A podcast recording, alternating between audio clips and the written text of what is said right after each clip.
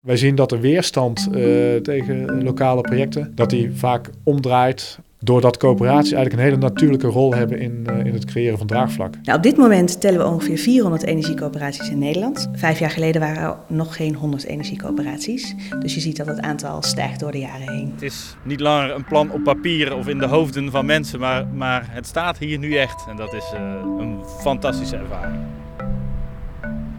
Dit is De Vooroplopers, een podcast met inspirerende verhalen over duurzame energie.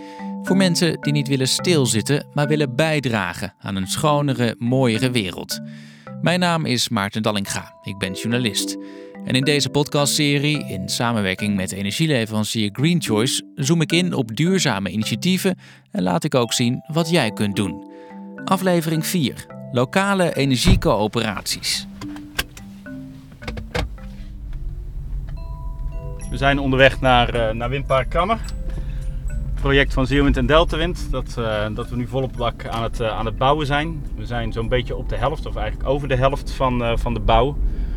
Uiteindelijk zullen er 34 windmolens geplaatst gaan worden en we hebben er nu nou, ongeveer 19 gebouwd. En in maart 2019, dus 9 maanden vanaf nu, zou het windpark dan helemaal operationeel moeten zijn. Mijn naam is Tijmen Keesmaat en ik ben uh, een van de twee directieleden van Windpark Krammer. En dat is het grootste burgerenergie-initiatief van Nederland. Opgestart door twee lokale energiecoöperaties die al zo'n 30 jaar bestaan. Zij hebben geld uitgeleend voor het project en krijgen dat uiteindelijk met rente terug. En daar kunnen dan weer andere duurzame energieprojecten mee opgestart worden. Windpark Krammer ligt tussen Goeree Overflakkee, Schouwen-Duiveland en Tolen in, tussen Zuid-Holland en Zeeland. En het ligt op de ehm, Philipsdam. De Krammersluizen zijn het, is het sluizencomplex tussen de Oosterschelde en het Krammervolkerak. Dus zout-zoetwaterscheiding. En het, uh, ja, het complex wordt gevormd door de Grevelingendam en de Philipsdam. En in de Philipsdam zijn dus de Krammersluizen. En daaromheen op de strekdammen en op de dammen zelf uh, staan de 34 uh, eh, turbines opgesteld. Straks neem ik er een kijkje. Eerder sprak ik met Katrien Prins van Hier Opgewekt, een kennisplatform voor lokale duurzame energieinitiatieven, zoals energiecoöperaties. Dat is een groep van uh, actieve burgers die samen een energiecoöperatie hebben opgericht. En uh, ze hebben vaak tot doel om uh, lokaal duurzame energie te gaan opwekken of aan energiebesparing te doen. En ze hebben daarvoor een coöperatieve vorm gekozen, zodat alle leden ook inspraak hebben in hoe dat dan gebeurt kan zijn dat ze gezamenlijk zonnepanelen gaan inkopen voor al hun leden. Het kan zijn dat ze eh, zonneprojecten starten. Dus bijvoorbeeld uh, zonnepanelen gaan leggen op de plaatselijke school of op een gemeentedak of op de brandweerkazerne. En het kan zijn dat ze windmolens gaan plaatsen in de buurt. En daar heb je dan als lid natuurlijk, uh, nou, kun je over meepraten. Hoeveel energiecoöperaties zijn er eigenlijk in Nederland en, en wat is de ontwikkeling door de jaren heen? Nou, op dit moment tellen we ongeveer 400 energiecoöperaties in Nederland. Dat betekent dat er in elke gemeente ongeveer een energiecoöperatie is. Vijf jaar geleden waren er nog geen 100 energiecoöperaties. Dus je ziet dat het aantal stijgt door de jaren heen. Hoe is dat te verklaren? Er is steeds meer kennis over hoe je een energiecoöperatie goed opzet. Er wordt ook heel veel samengewerkt tussen energiecoöperaties. Nou ja, en er is een groeiend aantal uh, mensen dat dit wil. Dus dat is uh, alleen maar mooi. In deze aflevering hoor je meer over de werking van energiecoöperaties en krijg je tips voor als je er zelf mee aan de slag wilt. We rijden nu de Grevelingendam op. Je ziet het windpark hier al liggen. En we slaan hier af om uh, naar het Ketenpark te gaan. Op goede dagen zijn hier eh, ongeveer 100 mensen werkzaam. En uh, op het hele park kunnen er, uh, kunnen er ook wel eens 200 op een dag aanwezig zijn. Nou, de helm op, gele laarzen aan. Ja. We zijn nu op de bouwplaats, op één van de bouwplaatsen. Klopt, ja, we zijn hier eigenlijk in het, in het hart van Krammer. Waar nu dus volop gebouwd wordt. En dat kan dankzij financiële steun van de lokale energiecoöperaties Delta Wind en Zeeuwwind. Er zijn 5000 leden van Zeeuwwind en Delta Wind. Uh, die wonen hier in de, in de buurt, hè, voor de duidelijkheid. Hè. Dat, ja. dat zijn mensen die hier hun eigen duurzame energieproject realiseren. Nou, die zijn waanzinnig trots. Of het overgrote deel is ongelooflijk uh, trots op, op, op dit windpark dat je dit met elkaar kan realiseren. Ik ben zojuist Oude Tongen even ingegaan en heb daar bij wat mensen aangebeld. Dit is wat ze zeiden, luister even mee. Horizonvervuiling. Nou, ik vind het afschuwelijk gezicht. Echt zo zonde van onze mooie natuur. Van die ontzettend hoge masten met uh, die molenwieken er aan. Ik vind geen gezicht. We moeten toch af van die fossiele brandstoffen, toch? Dat, uh, dat roepen ze iedereen, iedereen, ja. Ja, goed dat ze nieuwe manieren van energie uh, opwekken, ontwikkelen en ook uitvoeren. Maar toch wel ook zonde van het uitzicht, waar best wel wat toerisme ook hier naartoe komt mm -hmm. voor die reden. Nou ja, het is zonde van de natuur. Ja. In het kinderzitje voor op de fiets hebt u uw dochter. Het, het is misschien wel voor haar toekomst goed dat die dingen worden gebouwd. Ja, dat interesseert me niet zo. Daar denk je niet over na? Nee, nee. nee. Vindt u het niet ook goed dat er windmolens worden gebouwd omdat we nou ja, over moeten naar schonere energie? Nee, want er, is andere, er zijn andere oplossingen. Want bij Ogelsplaat hebben ze nu een, uh, zonnepaneel een heel uh, veld uh, en dat staat laag. Dus dat, dat zie je niet. Ja, er zijn mensen die, dat, die het niet mooi vinden. Ja, dat, dat is wat het is. En we willen ook graag een duurzaam land. We hebben doelstellingen opgesteld en ze moeten ergens staan. Ja, nou, zeggen mensen, ja, niet hier. Ja, dat zeggen mensen, ja. Maar dan kom je natuurlijk ook niet verder. Nee, uiteindelijk zullen we, uh, zullen we met, uh, met elkaar, dat hebben we bedacht, van het gas af moeten. We willen ook niet afhankelijk zijn van Poetin. We willen dat we de aarde een beetje uh, goed kunnen doorgeven aan onze kinderen. En daar, zullen, daar zal een energietransitie moeten plaatsvinden. Windenergie is daar een, een belangrijke bijdrager aan. Ja, en, en dan moeten windturbines ergens staan. Tijmen Keesmaat kent de negatieve geluiden, maar hij benadrukt ook dat dit niet het hele verhaal is. Want zonder de financiële steun van de omgeving zou de bouw van windpark Krammer nooit zijn begonnen. Dat mensen zelf hun eigen omgeving willen verduurzamen, dat ze ook eh, verantwoordelijkheid nemen voor hun eigen duurzaamheid, voor de, hun eigen omgeving. Dat is natuurlijk cruciaal. En dat, uh, ja, dat is in ieder geval een hele goede stimulans geweest uh, om, om zo'n project te kunnen realiseren. De Rijksoverheid wil dat Nederland vanaf 2050 helemaal geen broeikasgassen zoals CO2 meer uitstoot. Volgens Katrien Prins van Hier Opgewekt spelen lokale energiecoöperaties daarin een grote rol. Maar wat energiecoöperaties wel als belangrijk punt kunnen me meenemen of meebrengen, is, um, is die lokale betrokkenheid. We zitten in een energietransitie waar je als burger gewoon dat altijd gaat merken. Zowel zonneparken of windmolens. En ja, als je dat lokale draagvlak kan creëren, uh, is dat heel belangrijk. Mm -hmm. Dus dan zijn die energiecoöperaties een soort van smeermiddel? Uh, nee, smeermiddel, dat, dat, zo zie ik het niet. Uh, ik zie het meer dat een georganiseerde manier om burgers deel te laten nemen in de energietransitie. En, en ook te bepalen hoe die, hoe die verloopt.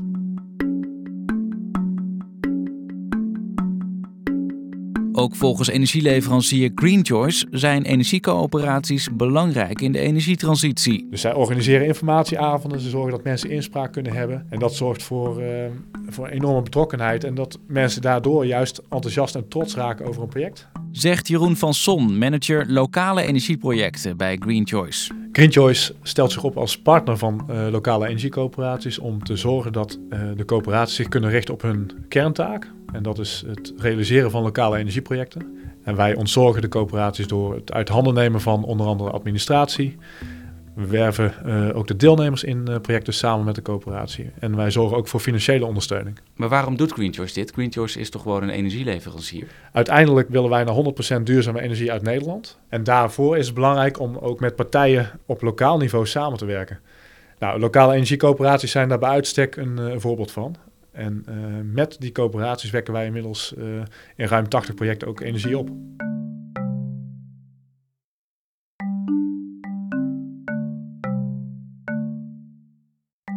Wat typeert lokale energiecoöperaties in Nederland? Waar zie je ze opkomen? Wat voor mensen zitten erachter? Ik vroeg het Katrien Prins van Hier Opgewekt. De meeste energiecoöperaties zijn inderdaad bezig met zon, zonprojecten. Dat is natuurlijk qua looptijd ook wat minder uh, lang dan bijvoorbeeld een windproject. Um, en ligt ook misschien wat minder gevoelig? Uh, ja, op daken inderdaad zeker. Er wordt ook veel aan energiebesparing gedaan. Ongeveer 70% van de energiecoöperaties heeft een energiebesparingsproject. Wat voor mensen zijn het nou eigenlijk die een energiecoöperatie beginnen? Kun je dat zeggen? Is er een bepaald type? Uh, het zijn vaak uh, mannen wat hoger opgeleid. en, het zijn weer de mannen. Het zijn weer de mannen, ja, jammer hè. en um, uh, ze hebben ook vooral, uh, ze zijn wat ouder en hebben dus tijd ook. Om, zijn ze met pensioen? Ja, dat denk ik wel. Ja. niet, het geldt niet, maar grosso modo, hè, de meeste mensen die het opzetten wel. Ja. Als, als ik dat hoor, dan denk ik wel, god, moeten we het daarvan hebben? Ik bedoel, er moet zo ontzettend veel gebeuren. Als alleen de gepensioneerden in actie komen, ja, Dat klinkt niet heel hoopvol. Dat ben ik, uh, ben ik met je eens. Nou, het zijn wel hele goede gepensioneerden, dat in de eerste instantie. Nog heel vitaal. Nog heel vitaal op dit moment. Maar nee, maar dat is wel iets waar, wij, um, uh, waar we met die coöperaties ook mee bezig zijn. Van hoe kun je je coöperatie verjongen? Uh, hoe zorg je ervoor dat er dertigers, veertigers, vijftigers ook deelnemen, meedoen? En, maar waarom doen ze dat niet? Goeie vraag. Ik denk dat het wel te maken heeft met tijd. En het heeft... Want het kost veel tijd. Uh, nou, het is wel een tijdsinvestering die vaak vrijwillig is. En ja, je, kunt ook voor andere dingen kiezen, zeg maar. Dus je kunt ook bijvoorbeeld alleen lid worden van een energiecoöperatie en niet de karttrekker zijn. Waar ontstaan vooral energiecoöperaties? Is dat, is dat iets van de stad of het platteland? Of, of zie je daar geen verschil in? Uh, zowel in de steden als in het platteland, op het platteland uh, zijn er energiecoöperaties. Uh, als je naar Friesland kijkt bijvoorbeeld, dat is een provincie met de meeste energiecoöperaties. Hoe komt dat? Daar wordt heel veel ondersteuning geboden in Friesland. Door? Door de provincie. Um, en energiecoöperaties werken daar ook sterk samen. Maar je hebt ook uh, dorpskernen die al um, nadenken over hun toekomst van de wijk of, of van hun leefomgeving. En daar valt dit dan ook onder. Ja. dus dat, dat, dat zien we vooral op het platteland. En in steden is het wat meer op, op wijk- en buurtniveau. Maar ja, daar zijn ook energiecoöperaties. Mm -hmm. Zijn het allemaal GroenLinksers? nee, dat zou ik niet durven zeggen. Het, het, is niet, nou ja, het motief groen, duurzaam klimaat is natuurlijk zeker een, een heel belangrijk motief. Maar het motief omdat je zelf iets kan ondernemen en een stukje onafhankelijker wordt, uh, speelt ook zeker mee om, uh, om een energiecoöperatie te starten. Ja, dit is buitengewoon geschikte locatie. Ja, het is, uh, het is vlak, er, zit veel, er is veel water. Ja, de wind is hier uh, geweldig. Tijmen Keesmaat, directeur van Windpark Krammer. We zijn terug in Zeeland.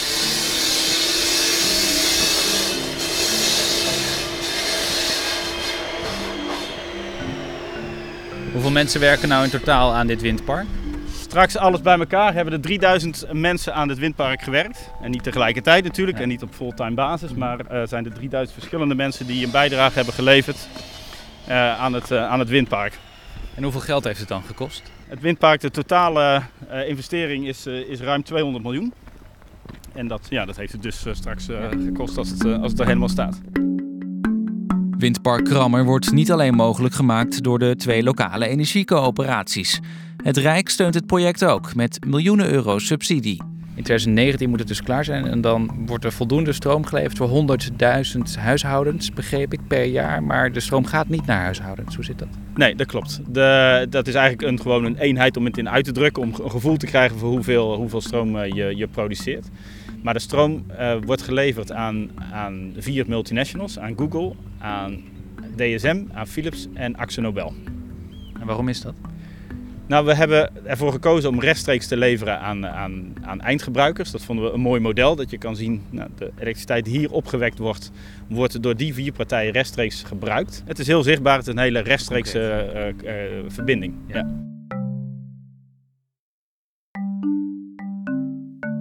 Wat nou als je zelf een energiecoöperatie wilt beginnen? Bijvoorbeeld samen met wat buren. Hoe start je dan eigenlijk? Katrien Prins van kennisplatform Hier Opgewekt heeft tips. Ik zal eerst aanraden om te kijken of er al een energiecoöperatie in de buurt is waar je bij kunt aansluiten, zodat je niet het wiel opnieuw hoeft uit te vinden. En daarnaast is het goed om wat medestanders te hebben. Uh, vooral ook je doel te bepalen. Wat wil je nou eigenlijk? Wil je energie besparen of wil je een windmolenpark starten of wil je uh, zonnepanelen op een dak leggen? Ja, is, is dat inderdaad het startpunt of kun je ook zeggen we willen allemaal energie-neutraal worden? Dat kan ook. Ja, dat, maar dat, dat is dan je visie, dat kan. En, en dan kun je kijken welke stappen daar allemaal bij horen. Het is ook belangrijk om, om met de samenwerkende partijen te, uh, te praten, zoals de gemeente. De gemeente heeft vaak ook een visie over, uh, over wat ze met de gemeente wil, uiteraard. En netbeheerder inderdaad, nou ja, met die partijen zul je toch moeten samenwerken. Bij mij in de buurt bijvoorbeeld staat een school. Ik heb wel eens gedacht, hé, hey, dat zou een interessante plek zijn voor zoiets. Mm -hmm. Stel dat die school zegt van, is prima, mm -hmm. hoe ga je dan verder? Uh, nou, dan moet je kijken of het dak, uh, want de school kan dat zeggen, maar ja, dan moet je toch nog eens even kijken naar het dak. Heeft het een gunstige ligging ten opzichte van de zon? Dan moet je natuurlijk kijken of het dak geschikt is voor zoveel panelen qua constructie. Meestal is het bij een school zo dat het, de school niet de eigenaar van het pand is, dus je moet toch wel meer met de pandeigenaar gaan praten. Je moet kijken wat voor aansluiting er is, even met de netbeheerder overleggen. Uh, je moet afspraken maken met een energieleverancier om die stroom weer af te zetten. En dan moet je natuurlijk ook nog mensen motiveren. Um, je moet een businessplan hebben. Want die panelen liggen natuurlijk niet uh, voor een paar jaar, maar wel voor minimaal 15 jaar. Dus daar moet je allemaal over nadenken als energiecoöperatie. Het wordt nu al een stuk ingewikkelder. Ik denk bijvoorbeeld ook, ja, stel dat er iets met het dak gebeurt. Wie betaalt dat dan? Wie is daarvoor verantwoordelijk? Ja, dat is een hele goede vraag. Dus dan moet je een recht van opstal gaan, uh, gaan afspreken. Je moet natuurlijk verzekeringen afsluiten. Mm -hmm. En er komt van alles bij kijken. Ja, en een hoop kosten ook meteen. Ja, klopt. Maar als je dus een businessmodel maakt waarbij je dat uh, allemaal inzit, dan uh, nou ja, daar moet je natuurlijk goed over nadenken. Dan, dan is het wel mogelijk. Mm. Zoals je kunt zien aan de vele projecten die er al ja. zijn. En moet je dat dan zelf opbrengen of kun je ook financiële steun krijgen van bijvoorbeeld het Rijk of, of de gemeente of de provincie? Er, er is een subsidieregeling die de SDE Plus heet. Daar, daar zou je op kunnen inschrijven. Uh, dan krijg je een vergoeding voor de opgewekte energie. Nou, het Rijk heeft ook een regeling, de postcode-roosregeling. Als je lid bent van een energiecoöperatie dat daaraan meedoet, dan krijg je korting op de energiebelasting. Je moet dan wel een aantal voorwaarden voldoen. Dat is bijvoorbeeld dat je in een uh, gebied woont wat aan de opwekinstallatie grenst. Zodat niet investeerders van buiten die korting kunnen krijgen. Precies, ja. ja. Dat, het gaat dus om het lokale draagvlak wat je als energiecoöperatie uh, nodig hebt. Ja. En wat doen provincies en gemeenten? Er zijn provincies die uh, fondsen hebben om advies en energiecoöperaties te ondersteunen. Dan krijg je dat vergoed, dat advies.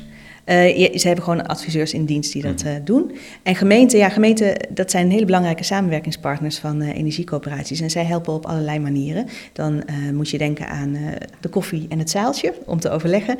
Maar je moet ook denken aan nou, gemeenten die daadwerkelijk met energiecoöperaties om de tafel gaan zitten om te kijken hoe plannen uitgevoerd kunnen worden.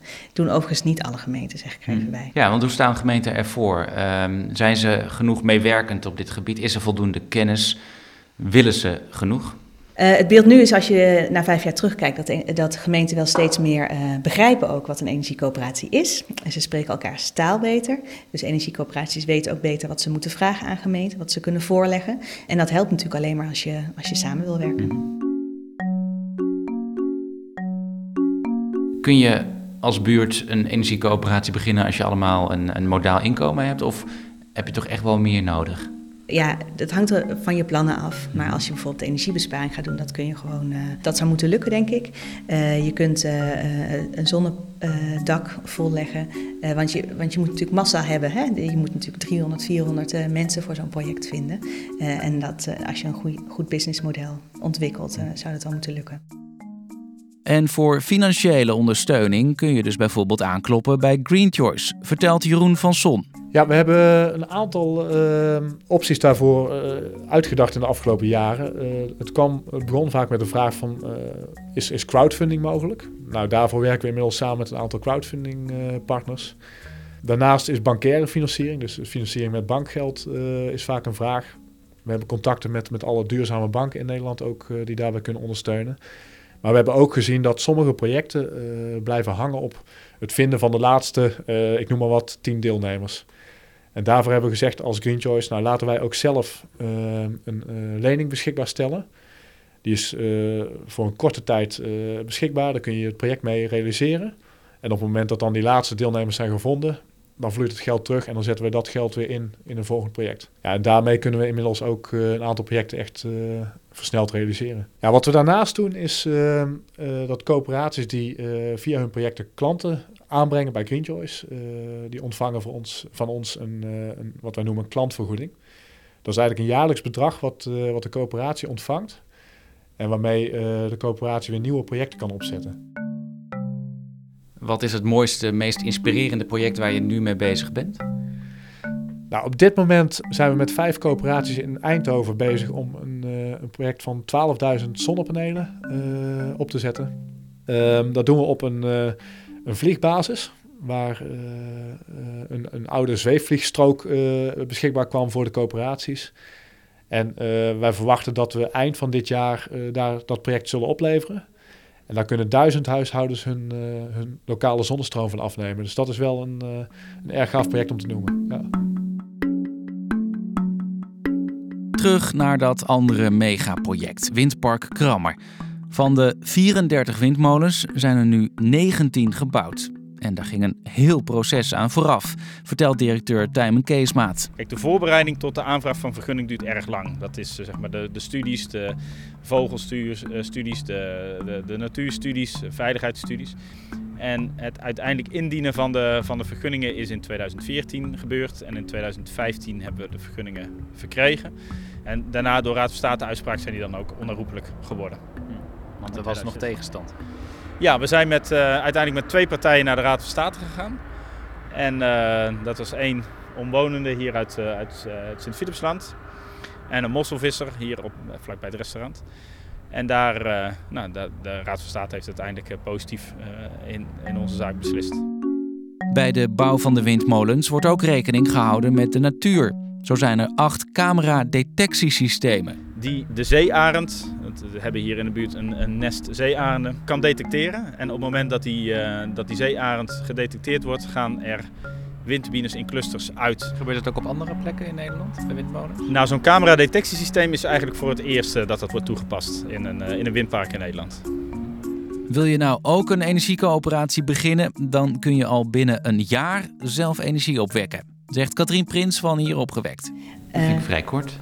Ja, nou ja, dat hangt er erg sterk van af wat je basiskennis is. En um, of je kunt meeliften op uh, contracten van andere partijen. Voorbeelden bedoel ik dus eigenlijk. En wat zijn de grootste valkuilen? Waar lopen coöperaties het vaakst tegenaan? En nou, wat net al over verzekeringen, maar je moet ook uh, nou, flinke administratie bij gaan houden. Mm. En dat niet vandaag alleen, maar ook de komende 15 jaar. Daar moet je natuurlijk wel, wel mensen, handjes voor vinden ja. die dat allemaal willen, willen doen. Dus er komt gewoon uh, veel bij kijken.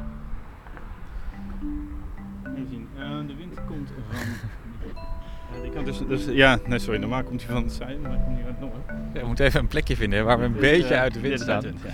Maar het is op zich goed natuurlijk uh, dat, dat er veel wind staat hier nu. Ja, absoluut. Nee, uh, het, gaat, het gaat lekker tekeer nu. Ja, we staan boven op de uitkijktoren. Uh, rondom zie je overal windmolens. kun je zien dat een aantal al draait en een aantal is nog in aanbouw. Hoe is het nou voor jou om, om hier dan te staan? went dat? Nou, dat, dat blijft ongelooflijk indrukwekkend. Uh, uh, het, het, is niet langer een plan op papier of in de hoofden van mensen, maar, maar het staat hier nu echt. En dat is, uh, nou, dat is een fantastische ervaring. Dit was De Vooroplopers, een podcast van Maarten Dallinga over duurzame energie in samenwerking met Green Choice. Enthousiast? Leuk als je deze podcast deelt. Je kunt je ook abonneren via een podcast-app. En wil je reageren? Mail naar vragen@greenchoice.nl. Bedankt voor het luisteren.